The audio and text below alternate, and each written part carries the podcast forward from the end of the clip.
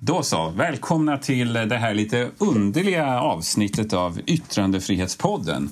I coronatider så har vi nämligen bestämt oss för att inte träffas. Studion vi brukar sitta i när vi gör de här inspelningarna är ungefär en kvadratmeter stor. Och eh, det sägs att man ska ha två meters mellanrum, så vi valde flera mils mellanrum faktiskt. Den känns ju hälsovådlig även i, i vanliga fall, eller man ska säga, där det inte är corona, tycker jag. Vår Nej, exakt. Nej, precis. Ah, det, är, det är en plats där alla får allas sjukdomar. Eh, väl, Välkommen i alla fall Henrik Berggren, historiker, journalist, författare. Vi ska prata om eh, vi ska yttrandefrihet i kriser. Ja, jag tänkte komma till det. Ja, eh, okay. Förlåt. Jag, jag heter Jesper Bengtsson och eh, du heter? Jag heter Jenny Aschenbrenner och man märker omedelbart hur mycket svårare det är att inte avbryta varandra när man inte ser varandra. Men vi får försöka. att en podd får man avbryta varandra i, tror jag. Är det inte så? Ja. ja. Vad bra. Eh, yttrandefrihet i kriser. Ja, men det har ju hänt ganska mycket på senare tid som är oroväckande för yttrandefriheten. Ungern är väl det tydligaste exemplet där man har instiftat nya lagar som säger att man kan dömas till långa fängelsestraff om man sprider falsk information till exempel. Och det är då regeringen som definierar vad som är falsk information. Och dessutom har de bestämt att den lagen kommer att finnas kvar så länge de själva betraktar att, att det är ett krisläge. Så att det är liksom regeringen själv som tolkar detta. Vilket i princip är ett eh, carte blanche för att fortsätta de här lagarna även efter coronakrisen om de vill. Och det finns massa sådana exempel. I Kina fängslas journalister, eller försvinner faktiskt journalister som eh, har rapporterat om coronakrisen. Ja, en massa andra. Vad säger ni om det här? Är, det, är detta någonting som eh, vi får vänja oss vid nu eller vad tror ni? Ja, alltså det är slående hur många som passar på. Alltså, å ena sidan tycker jag man ser hur, hur regimer som redan innan coronakrisen antingen var halvvägs på väg mot ett icke-demokratiskt styre eller redan var diktaturer verkligen passar på nu när det är såna undantagstillstånd. Men vad som är också intressant tycker jag är ändå de här stabila demokratierna i Europa och vad, vad som händer där när man ändå inför undantagstillstånd och restriktioner i mötesfriheten till exempel. Så här, vad, vad, betyder det och vad, vad, kan det leda mm. till någonting? Eh, det är vad jag funderar mest på nu nästan. Ja, alltså jag, jag, jag, tror också att eh, det är helt klart att det finns de som passar på här. De har ju bara väntat och skulle det inte vara corona skulle de hitta någon annan mm. anledning till att drämma till också. Så att det ligger ju i tangentens riktning där. Men precis som Jenny säger så kan man ju fundera lite på um, alla de saker som görs ändå i, i stabila demokratier.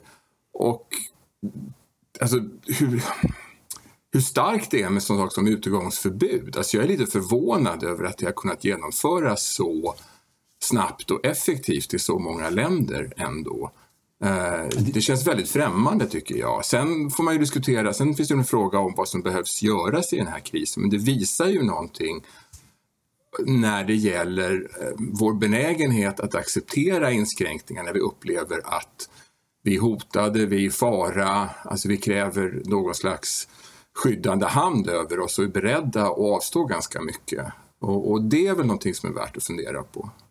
Mm. Jag tror också att mycket av det här vi ser nu som handlar just om eh, till exempel som det är i Ungern som inte är en stabil demokrati eh, men just det här att ja, men vi måste förbjuda falsk information. Jag tror att ganska många i det här läget skulle kunna säga ja men det är klart att man inte ska få sprida falsk information. Det är ju ganska logiskt, men vad är falsk information? Det är ju den som, vem som definierar det som är det avgörande i det fallet. Och och det kan ju ingen, ingen riktigt göra. men men där tror jag det finns en ganska stor beredskap, ja, mental beredskap hos, hos människor i alla länder att ja, men det är klart man måste förbjuda det. Men, men, men det är väl det här klassiska, jag menar även de flesta yttrandefrihetsfundamentalister, vilket väl är trevligt att vara, accepterar ju att man får inte ropa eh, att det brinner i en fullsatt teater. Alltså det finns den, den typen av undantag i vårt tänkande runt yttrandefriheten. Att mm. liksom någonting mm. som kan orsaka den typen av panik och skador och så, där ord, där ord, där en yttrandehandling kan verkligen leda till katastrofala konsekvenser. Eh, det, det, det, det, kan vi inte ha. Och, och, och, från den tanken så kan man ju då sen omfatta allt möjligt liksom som, som falsk information, som hotfullt, som skadligt, man sprider panik om influenser och så vidare. Ja, men det är väl ändå det som har präglat hela coronatiden, även i Sverige där vi ändå inte har haft så många inskränkningar i vår frihet på något sätt. Men det är ändå den här längtan efter de sanna svaren, efter att det ska finnas ett enda sant svar. Alltså så här, det finns falsk information och det finns, alltså, finns sann information. Och den enorma frustrationen och vreden som väcks av att det, att det fortfarande är så mycket som vi inte vet och som man inte kan få, få liksom raka svar mm. Det kan ja. jag också höra liksom från, från vänner som befinner sig i Storbritannien eller Frankrike där man har mycket hårdare restriktioner. Eh, där folk ropar efter ännu starkare restriktioner. Alltså där man längtar mm. efter den här tydligheten, det här svartvita. Det är otroligt tydligt tycker jag just nu. Ja, det, här, här, här är det väldigt vanligt att man ropar efter mer restriktioner. Och ropar efter utegångsförbud, vilket jag, jag håller med om det, Henrik, som du sa förut, att helt fascinerande hur lätt vi har accepterat att det är utegångsförbud. Det är ju en oerhört stor inskränkning av den individuella friheten ändå. Eh, som, som, vi oftast bara ser i krigstid. Ja, och jag menar, men, men, det är ju också så här, om jag får vara historiker så, så jag menar, vi, har, vi, har liksom, vi har ju en av världens, eller världens äldsta tryckfrihetslagstiftning, tror jag att det är, om jag minns rätt. Eh, och, och, och, den har ju för sig varit ganska robust över lång tid. Men alltså, du kan ju se så fort det har varit kris så har det ju skett undantagslagar, inskränkningar eh, och, och, det har gått ganska fort när man känner sig, sig hotad. Så att, jag menar, eh, alltså yttrandefriheten är ju Alltså liksom på engelska som lite counterintuitive. Alltså det, jag, jag, tror inte vi har en naturlig impuls till yttrandefrihet tyvärr. Jag tror att vi har en ganska stark tendens att tycka att saker och ting som vi tycker är felaktiga, som vi inte gillar, som oroar oss, det ska vi ta bort. Eh, och sen har vi då liksom historiskt sett utvecklat en insikt om värdet av yttrandefrihet, men det är ju så att säga en principiell hållning som vi har. Och, och, och just när vi kommer till sån här kris så ser vi plötsligt hur löst det sitter, skulle jag säga. Alltså det, det, är, är återkommande. Liksom. Jag, jag håller på med andra världskriget nu och det är ju verkligen eh, en historia om, om inskränkningar i yttrandefriheten eh, på olika sätt. Sen kan man ju säga att, att man, eh, den positiva sidan av det är ju att man ändå bevarar själva grundhållningen. Det här är avsteg från det hela. Man är, man är beredd att göra väldigt långtgående avsteg från yttrandefriheten för, att, för nationen, för att mm. så. Ja. Kan du inte berätta lite om det där? För att eh, det är ju intressant. Du håller på, du har skrivit mycket om andra världskriget förut också. Och vad var det man gjorde då egentligen för inskränkningar? Ja, alltså, alltså man, man, det skedde på flera nivåer. Alltså för det första så togs det en Um, alltså gjorde man en ändring i grundlagen. Alltså man införde en censurlag som skulle tillåta förhandscensur. Uh, och den, den måste ju gå igenom två omröstningar så att säga, med ett val emellan. Så att man, man tar den första så den blir vilande. Uh, sen tillämpas aldrig den faktiskt. Men den finns där i bakgrunden hela tiden. Så att säga, så det är vad som sker på konstitutionell nivå. Sen är det ju så att, att man är väldigt fiffig. Man hittar ju gamla lagar eh, och sätt att runda yttrandefriheten. Vi har en väldigt kreativ justitieminister som heter KG Westman som, som jobbar hårt på att hitta sätt att, att stoppa misshagliga publikationer. Och det gör han ju dels genom det här berömda transportförbudet där han så hittar en paragraf som, där man kan hindra tidningar från att distribueras via, eh, statlig, alltså via allmänna, eh, med allmänna medel, det vill säga tåg, järn, järnväg, bussar, och så vidare. Och på så, på så sätt får stopp. sen hittar man det här indragningsförbudet där man då tar, en, här, tar en mycket gammal paragraf som handlar om att man får inte eh, att man kan dra in för smädelse av utländsk makt, vilket i det här fallet naturligtvis är Nazityskland. Eh, och den tillämpar man med, med indragningar. Sen kan man säga att man, man lägger inte ner några, det finns ju en missuppfattning. Det är ju inte så att man liksom stoppar några tidningar. Så man stoppar tidningar tillfälligt och man drar in artiklar. Och, och mm. lyckligtvis är de där indragningarna eh, lite ineffektiva för de blir ju i efterhand hela tiden. Så man får väldigt snabbt och så man skicka polisen ut till kolportörerna eller tobakshandlarna för att lägga beslag på tidningarna. Och sen så möter tidningarna det genom att börja publicera vita sidor, alltså där artikeln skulle ha stått. vilket förmodligen ger läsaren en känsla av eh, att, att något ännu värre skulle ha stått där än det som stod där, så att säga. Men, så att, för, ja. Jag funderar på, bara Henrik, där är just där, hur, hur, har du någon känsla av hur allmänheten reagerade på det här? Alltså, fanns det någon typ av opinion kring, alltså allmän opinion kring att man kände att man inte fick tillgång till all information?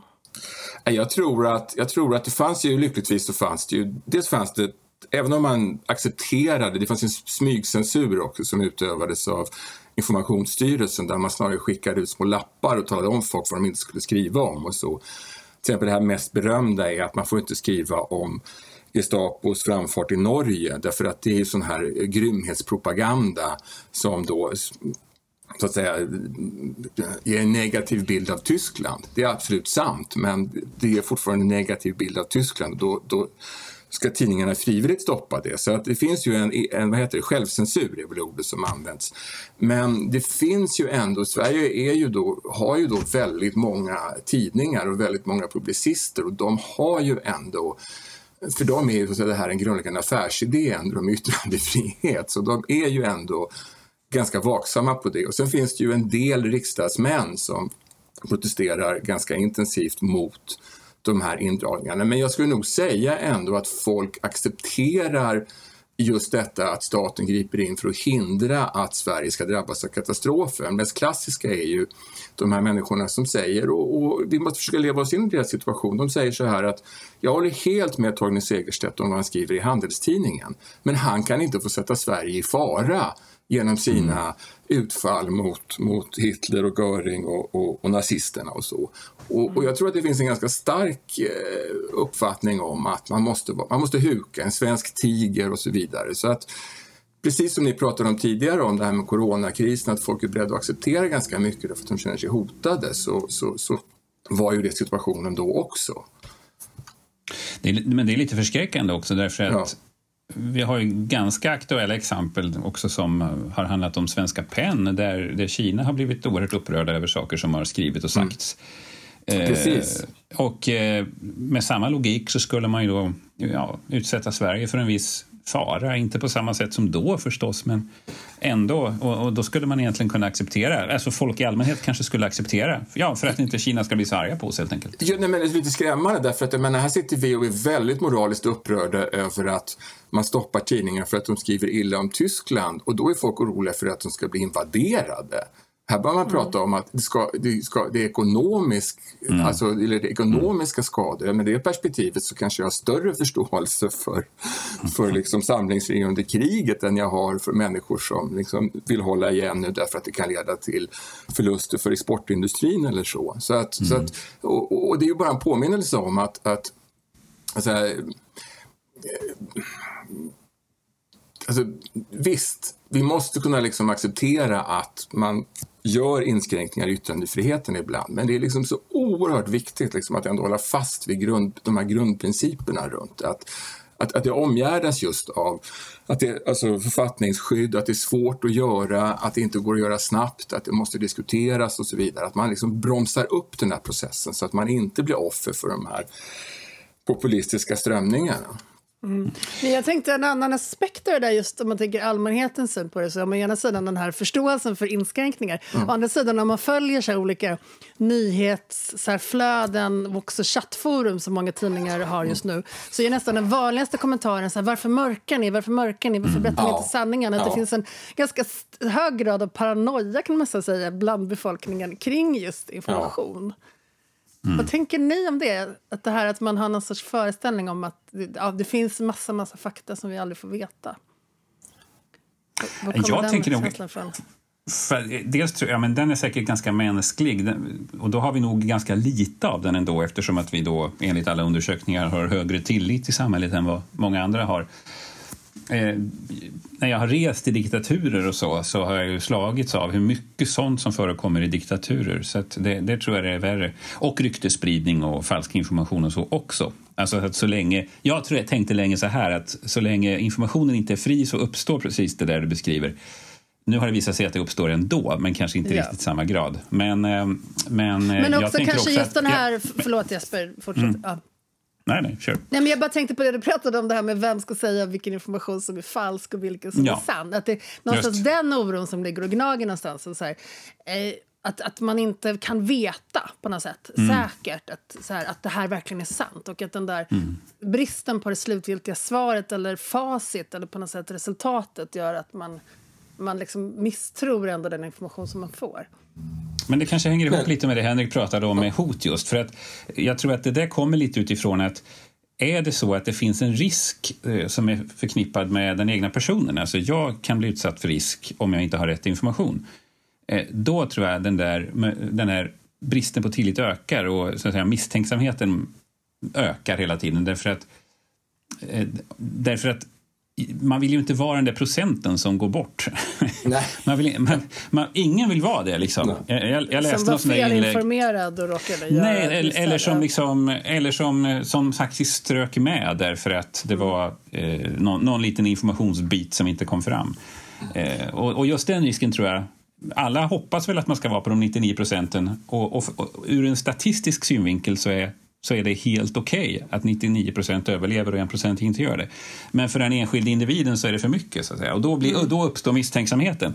Tror jag. Men jag tänker då, skulle man då godta att det var en tydligare envägskanal från liksom regeringen berättar så här ligger det till? Alltså, skulle det göra folk tryggare än det här att vi får då en rad olika teorier och tankar och, och och, ingen vet ju säkert ännu exakt allt om det här viruset så därför får vi ju oerhört många olika inspel kring hur det funkar. Skulle man då hellre Ja. vilja ha den här liksom statsapparaten som, som bara berättar hur det är? Tänker ni? Alltså, jag, jag, alltså, den här tilliten, menar, vi har ju haft en exceptionell period av tillit under, menar, säg sen, jag vet inte, 30-talet eller vad det kan vara, där vi har haft tilltro till de här liksom, stora tidningarna, de här offentliga media, Sveriges Radio, SVT och så. Det har ju funnits en institutionell tillit där. Och går man längre tillbaka i tiden så finns ju inte den. Men då, då är ju världen full av, av rykten, alltså inte på sociala medier men jag menar sanningen i Skövde såg ut på ett annat sätt än i Skara till exempel. Oh ja. Ehm, så att säga. Ehm, och, och, och, och, och, och jag menar, där har vi ju haft den här perioden och, och nu är vi väl på väg ut ur den kanske. Vilket är Mm. väldigt, väldigt oroväckande på många sätt. Digitala byar, tänker du? Eller småstäder? Ja. Ja, nej, men det, är så- alltså, det är möjligt att, det kanske kan, att vi kan återskapa den på något sätt. Men, men jag skulle komma till en annan sida av saken. Jag tror att det kanske låter lite naivt eller troskyldigt. Men jag tror att, jag tror att det viktiga är, alltså folk håller på så mycket med fakta och, och, och liksom falska fakta och sådär. Men jag tror att man måste tro på sanningssträvanden. Att vi alltså strävar efter att säga sanningen. Alltså det, det låter väldigt barnsligt att säga det, men alltså det som gör ett, ett fungerande samtal är ju inte att man talar sanning hela tiden, för det gör inte människor. Och vi, alltså vi tillgriper argument, vi använder fakta på olika sätt, vi vränger på dem och så vidare. Och, och, och det ingår i en normal liksom, normalt samtal om vad som helst egentligen. Men det måste ju finnas en tro på att vi faktiskt vill komma fram till vad som är sant. Eh, och, och- och det, är, det är också ett slags fundament, tror jag, för, för yttrandefriheten egentligen. Liksom att det finns en sån, en sån strävan att man, att man eh, erkänner när man har fel, att man korrigerar fakta, att man hela tiden håller på med det där. Och det är ju så att säga det som gör gör det bra med pluralismen, att det kommer folk och säger tossiga saker och sen bemöter man det och, och som gör det så viktigt liksom att det, att det upprätthålls. Och det, det är det som liksom försvinner när man då ska ta kontroll över informationen på något sätt. Den, den, liksom den sanningssträvande. Så att det, det är ett, det är ett um, yttrandefrihet, alltså man kanske borde koppla yttrandefrihet ibland lite mer till liksom, så att säga, den, den strävan efter sanning också. Det, låter, det kan ju låta lite farligt också naturligtvis, jag förstår det. Alltså, det måste kunna sägas allt möjligt. Men på något sätt så är vi ju ändå beroende av att vi, vi, vi är ärliga i, vår, i, vår, i, i, i vårt sätt att förhålla oss. Jag menar, inte alltid, inte jämt, men liksom på det hela taget. Och kanske också att, ja precis, och den sanningssträvan kanske man inte behöver bygga in i en lagstiftning utan det, kanske man, det du säger är väl egentligen att människor kanske generellt, de allra flesta i alla fall, strävar efter det. Och, Ja, jag, Och det gör att det någonstans, med yttrandefrihet så landar det någonstans ganska bra. Det är väl det klassiska sättet att se på det egentligen. Men, Men det jag funderar på nu egentligen, det är väl, är det så? Eller strävar vi efter bara någon mittenposition? Ja, nej, men det är, det är en bra fråga, alltså, tycker jag. För, för just som det är nu, ingen har en aning om hur det ser ut med coronaviruset eller spridning eller fara eller risk. Eh, men det finns de som säger att vi har stängt för mycket och det finns de som säger att vi har stängt för lite i samhället och därför så tror vi på Anders Tegnell.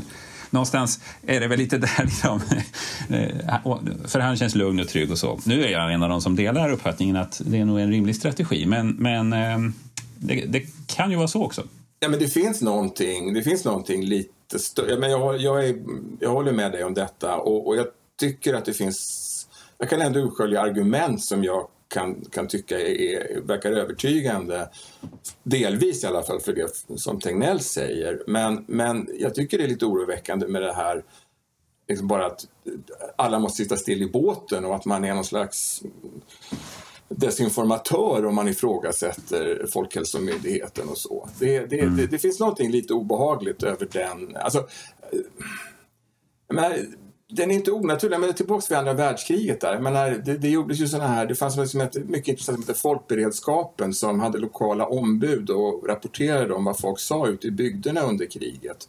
Och det absolut mest vanliga var ju att man hörde inte alls, man liksom har ifrågasatt samlingsregeringen och vad man gjorde och sådär. Men man sa alltså, nej men nu måste vi hålla ihop. Vi måste sitta stilla i båten. Uh, och, mm. och så att, säga, så att det är ju, det är ju en, en, en, en, en mänsklig impuls, men, men, men den är inte alltid bra. Jag är inte ens säker på att den var bra under kriget.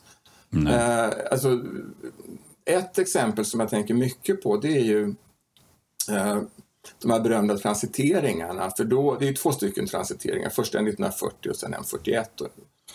Eh, och första gången så försöker ju Per Albin Hansson mörka Alltså han går inte ut och berättar för folk vad som har hänt egentligen. Man försöker ju dölja det här för svenska folket, mer eller mindre. Eh, ett berömt citat är från en sosse som säger att tågen går ju på nätterna så det ska väl inte behöva bekymra folk. Mm. Uh, och, men alltså det blir ju en backlash på det. Alltså folk blir ju mm. ännu mer misstänksamma och, och, det underminerar ju förtroendet. Och nästa gång de gör det så går han ju ut väldigt tydligt och säger att nu har vi gjort en, en eftergift. Det här är, jag är liksom, du vet, beklagande, ledsen och så, men vi känner oss tvungna att göra detta. Och det fungerar ju mycket bättre. Och, och, mm. och man kan ju hämta en slags sensmoral ur detta i att, jag menar, om, om makthavarna faktiskt talar om hur det är för oss så är vi faktiskt kanske lite mer vuxna än, än, än vad man kan tro ibland. Att vi kan ta till oss mer komplicerad information och förstå att liksom, beslut är svåra att ta och så. Mm. Eller hur? Alla, menar, ja, visst. Ja. Ja. Eh, alla pratar ju om att det här kommer vara en sån avgörande sak i, i historien med coronaviruset, att det finns ett före och ett efter. Tror ni att, tror ni att vi går in i en ny epok för yttrandefriheten där vi accepterar mer begränsningar? Eller tror ni att det påverkar det där på något avgörande sätt? Vad säger du Henrik, historiskt? Alltså det känns ju lite oroväckande kan jag ju tycka just om man tittar på vad som händer i Storbritannien och Frankrike och att, vad man accepterar och vad ja, man till och med ja, vill ha ännu ja. mer av ett auktoritärt ingripande från stat. Och också så här, eh, vänner i Storbritannien som berättar att folk börjar ange sina grannar och ringa och tjalla för myndigheterna om någon går ut två gånger istället för en gång och springer. Att det finns ju nästan någonting som att man så här, längtar efter liksom en repressiv stat på något sätt. Mm. och ja, den, jag, den är, ja, vad säger ja, du, nej, jag tänker att, alltså, jag vet inte, det här, det här är, en, det här är väldigt, det här är ett väldigt konstigt resonemang.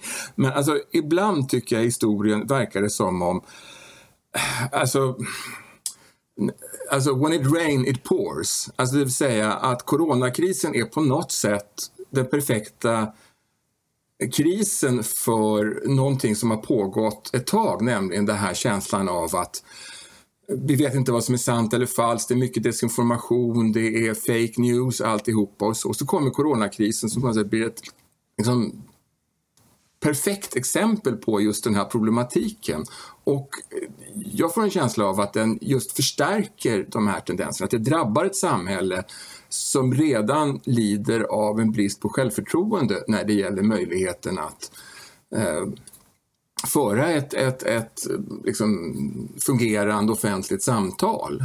Och, och, och, och, och det, på det sättet tycker jag nog om det är avgörande eller inte, det, det kan jag inte säga. Men, men, men det känns som om, om det här spelar in, som vi började, liksom, det här spelar in så väl med så många andra fenomen eh, runt det hela. Eh, och eh, i bästa fall i Sverige så kan man väl ändå tänka att vi har haft en ganska bra process runt detta, att det har varit ganska mycket diskussion ändå. Jag vet att en del säger att liksom, det, det sådär, har känt sig trängda och, och tycker att... Jag, menar, jag tycker man liksom måste försvara rätten att ifrågasätta liksom, Folkhälsomyndigheten, men jag tycker ändå att det är ju en debatt som är på gång och folk för fram argument fram och tillbaka. Det som möjligtvis saknas tycker jag lite är politikerna. Alltså den meningen att, att jag är nog ganska nöjd med att politikerna litar på experterna men jag skulle vilja höra lite mer från politikerna varför de litar på experterna. Om ni förstår vad jag menar. Mm, just det. Men om vi då skulle klara den här krisen med en fortsatt här, diskussion där man vågar ställa olika världsbilder mot varandra även i en kris så skulle det ändå kunna vara kanske någonting man kommer stärkt ut ur, tänker jag i så ja. fall. Ja. Ja, men det, det, det, är en, det är en förhoppning att, att, att det kan vara ja, så. Men, ja, men faktiskt, det har jag tänkt på också. För I början så hade jag ganska en dyster bild av hur det här skulle kunna ta vägen. Men, men nu tycker jag faktiskt att de, om man sorterar bort de här riktiga knäppskallarna som liksom odlar konspirationsteorier och så eh, och extremhögern som, som på sitt sätt alltid hävdar att myndigheterna gör fel, tror jag. Men då finns det, det har börjat uppstå ett lite mer sansat resonemang om vad, vad de här fakta faktiskt betyder. Eh, och jag tycker nog att, eh, forskarvärlden, att forskarvärlden kommer in i det här från olika håll och har lite olika synpunkter. De trivialis trivialiserar ju inte debatten utan de tar ju upp just vad, vad är sant egentligen och så resonerar man kring det. Det tror jag nästan. Ja, det känns som att det finns något positivt i det faktiskt. Någonting hoppfullt ändå. Eh, men sen håller jag med om politikerna är borta och det beror på att de inte, just nu inte riktigt vet vad de ska säga, vad de ska kritisera, vad de ska göra. För att det finns Man vill inte samlingen. heller slå mynt av en katastrof. Nej. Det är väl det. Det verkar Nej, och cyniskt och på något sätt verkar som att man gör politiska Nej, poänger i den här situationen det är ju jättebra att de, mm. att de gör det. Jag bara, jag bara tänker ändå att liksom, ja, vi, ska inte hamna i corona-frågan eh, bara för det handlar om yttrandefriheten också. Men jag menar, det är ju... Om man känner så att det här, alltså, ett problem är ju det här snabba åtgärder. Alltså det är ju den impuls som slår till, att man måste göra någonting snabbt. Och det som man bör verkligen fundera på nu, ja men man slår till snabbt, man stänger ner ett samhälle. Men vad händer när man öppnar samhället mm. igen? Alltså den, alltså, eller vi har ekonomer nu som ropar på enorma stöd. Liksom, och på dem låter det som om det här, kanske, det här kommer att försvinna på en månad eller så. Men om man växlar perspektiv och tänker att det kommer att dröja två år tills vi får ett vaccin och att vi kanske kommer att leva med detta, då blir frågan en annan. Då kan vi inte liksom lösa detta med jättesnabba insatser och i sådana fall så tycker jag att kanske att Folkhälsomyndigheten verkar vara på rätt spår. Mm. Att man måste bygga upp det här, liksom ett, ett fungerande samhälle runt att det kanske finns corona i samhället. Uh, men där blir frågan om perspektiv liksom. Och, och, och, mm. ja. Nej, men jag bara tänkte att det känns som att det är lite karaktärsdanande situation just att man faktiskt måste gå hem och tänka efter. Ja. Därför att man har en stark åsikt instinktivt och sen så får man reda på lite mer fakta så man måste processa. Så, så här, det, det, där har hänt mig, flera, mig själv flera gånger i den här processen. Att man tänker att man, man får någon, någon, någon idé om vad som vore bra men man, man inser att det är så många olika parametrar. Så där så skulle man kanske kollektivt kunna lära sig någonting av att föra en diskussion som är lite mer eftertänksam. Ja, jag menar, vi, vi började ju där att prata med, om att, att falla varandra i talet, det här samtalet, alltså när vi kopplade upp oss här. Och, och jag vet inte, ja, men det här med att faktiskt turas om när man pratar, det är en slags fundament liksom för, för, för all moral egentligen. Liksom att vi faktiskt jag säger någonting och sen säger du någonting. Vi pratar inte i mun på varandra. Och, och det är en slags samtalsordning som är nödvändig för att det här ska fungera. Om alla liksom för, bara skriker nu förstår, samtidigt. Nu förstår jag inte vad du menar. Nu förstår jag inte vad du menar. ja, men det, det, var, det var en optimistisk och fin eh, tanke där, ja. men kanske inte helt otänkbar. Jag tänkte bara på de här då som har liksom lite grann kuppat igenom, som Polen var det väl nu senast med ännu strängare abortlagstiftning nu när ingen kan gå ut på gatorna. Eh, tänk, tänker ni att det kommer komma någon så här backlash på den typen av så här, ja, men man verkligen tydligt har passat på när folk är instängda? Alltså även i de här länderna där man fortfarande har, redan har gått ganska långt i ska säga, inskränkningar i yttrandefriheten. Mm. Ja, det, alltså jag tycker det känns ganska uppenbart. Eh, de har ju inte dolt vart de är på väg tidigare och eh, får ju enorma möjligheter nu. Det vi ser också, som jag tycker är en intressant aspekt och en oroväckande aspekt just vad det gäller yttrandefriheten, om vi nu ska avrunda det här i lite dystrare toner, så är det ju ändå hur den nya tekniken allt mer används nu, både som krisbekämpning och virusbekämpning och eh, kontroll av människor. Eh, övervakningsteknik, eh, möjlighet att filma människor när de går in och ut ur sina hus, möjlighet att se vad de har för temperatur i kroppen. Mm. Det är klart att det kommer naturligtvis eh, utvecklas vidare ifrån det här och, och länder som vill använda det, som vi sa tidigare, men länder som vill använda det tidigare kommer göra det ännu mer nu. Och då är frågan vart det liksom läcker in i våra system också, för det kan det tyvärr riskera att göra. Men man pratar väl redan lite grann om de här Telias kartläggning av stockholmarnas rörelsemönster. Alltså mm. så här, ja, är det integritetskränkande? Hur, ja, det finns ju den diskussionen där och det här men det, det, du vet, det är ju bara aggregerade data. nej, men, ja. nej, men de säger ju det. De liksom, mm. Det är ju deras sådär att nej, men det här är inte på individnivå. Jag vet inte. Det är en... Mm. De, de, nej, men så är det väl absolut. Alltså, det är en, det är en men det är ju liksom en process som har pågått. Jag menar, var är motståndet mot, mot övervakningskameror nu? Var är, vad hände med FRA-lagen? Vad hände med allt det där? Jag menar, det, det, det, det känns ju som coronan, den här krisen, är så att säga, ligger i linje med, med annat som har hänt de senaste åren. Ja, men exakt det jag menar. Ja, FRA är ett bra exempel. Nu är det ju överspelat. Ja. Det är liksom så, det är så självklart idag att ingen ens längre pratar om det. Eh, avlyssning av, eh, av eh, möjlighet att avlyssna mobilsamtal, sms mm. och sådär. Så, för, för nu, snar, nu handlar det om att installera program i våra mobiltelefoner så att man kan avlyssna i realtid istället. Så att, eh, det har ju tagit en massa sådana kliv framåt. Det har det gjort. Sen får man ju se om det här innebär eh, den här krisen innebär att, att just vi eh, tar fler sådana steg framåt. Det kanske är mer kampen mot brottslighet och så som används för att motivera de mm. eh, åtgärderna tidigare. Ja, och som jag var inne på tidigare så är det liksom ändå man kan tänka sig att vi kanske lär oss någonting. Jag menar, vi kanske lär, alltså det kanske yttrandefriheten kanske det kommer att krävas andra saker för att bevara yttrandefriheten i det här nya. Vi håller på att liksom anpassa oss till ett, till ett nytt läge helt enkelt och, och vi vet inte riktigt vad som är alltså, vad som kan vara nödvändigt ur folkhälsoperspektiv och vad som inte är det och så vidare. Det är väl en mm. diskussion som måste föras helt enkelt. Mm, mm. Det där lät som en liten bra avrundning tycker jag. Ja. Eh, och eh, då får vi se om det här funkar. Vi har alltså spelat in på tre olika håll och sen ska vi försöka klippa ihop det här. Det får väl bli en eh, utmaning för Josefin Tunnell som kommer att klippa detta. Eh, en coronautmaning. Kan vi mötas, fast ändå inte? Ja. Nej, precis. Du kanske ska få hjälp av sån här, det är kanske någon övervakningsmyndighet som har allting inspelat så vi kan få det färdigt istället. Jättebra ljudkvalitet också. Perfekt. Jag måste Bra. bara säga det, jag måste bara, nu, nu, är, nu är jag nörd här, men under kriget så läste säkerhetstjänsten 50 miljoner brev och man avlyssnade vad var det nu, 11 000 telefonsamtal i veckan eller någonting sånt. Så att eh, helt nytt är det ju inte måste ha varit oändligt personalkrävande, tänker jag. Ja, verkligen. Det var det Astrid Lindgren satt och ägnade sig åt. Ja, just det. Oändligt långtråkigt. Mm. Det kom en bok, jag träffade en författare förra året, en rumänsk författarinna som hade skrivit en bok om en sensor. Eh, det där lät som en intressant eh, uppslag för någon, att eh, skriva en bok om någon av dem som faktiskt sitter och läser det här. Det är en utmaning för alla författare där ute. Man, man, får tänka, man, får tänka, som östtyskarna gjorde ibland. Det är i alla fall någon som lyssnar på ja. mig. Vi får se om det blir någon som lyssnar på den här podden. Tack ska ni ha. tack, tack. tack. Hej.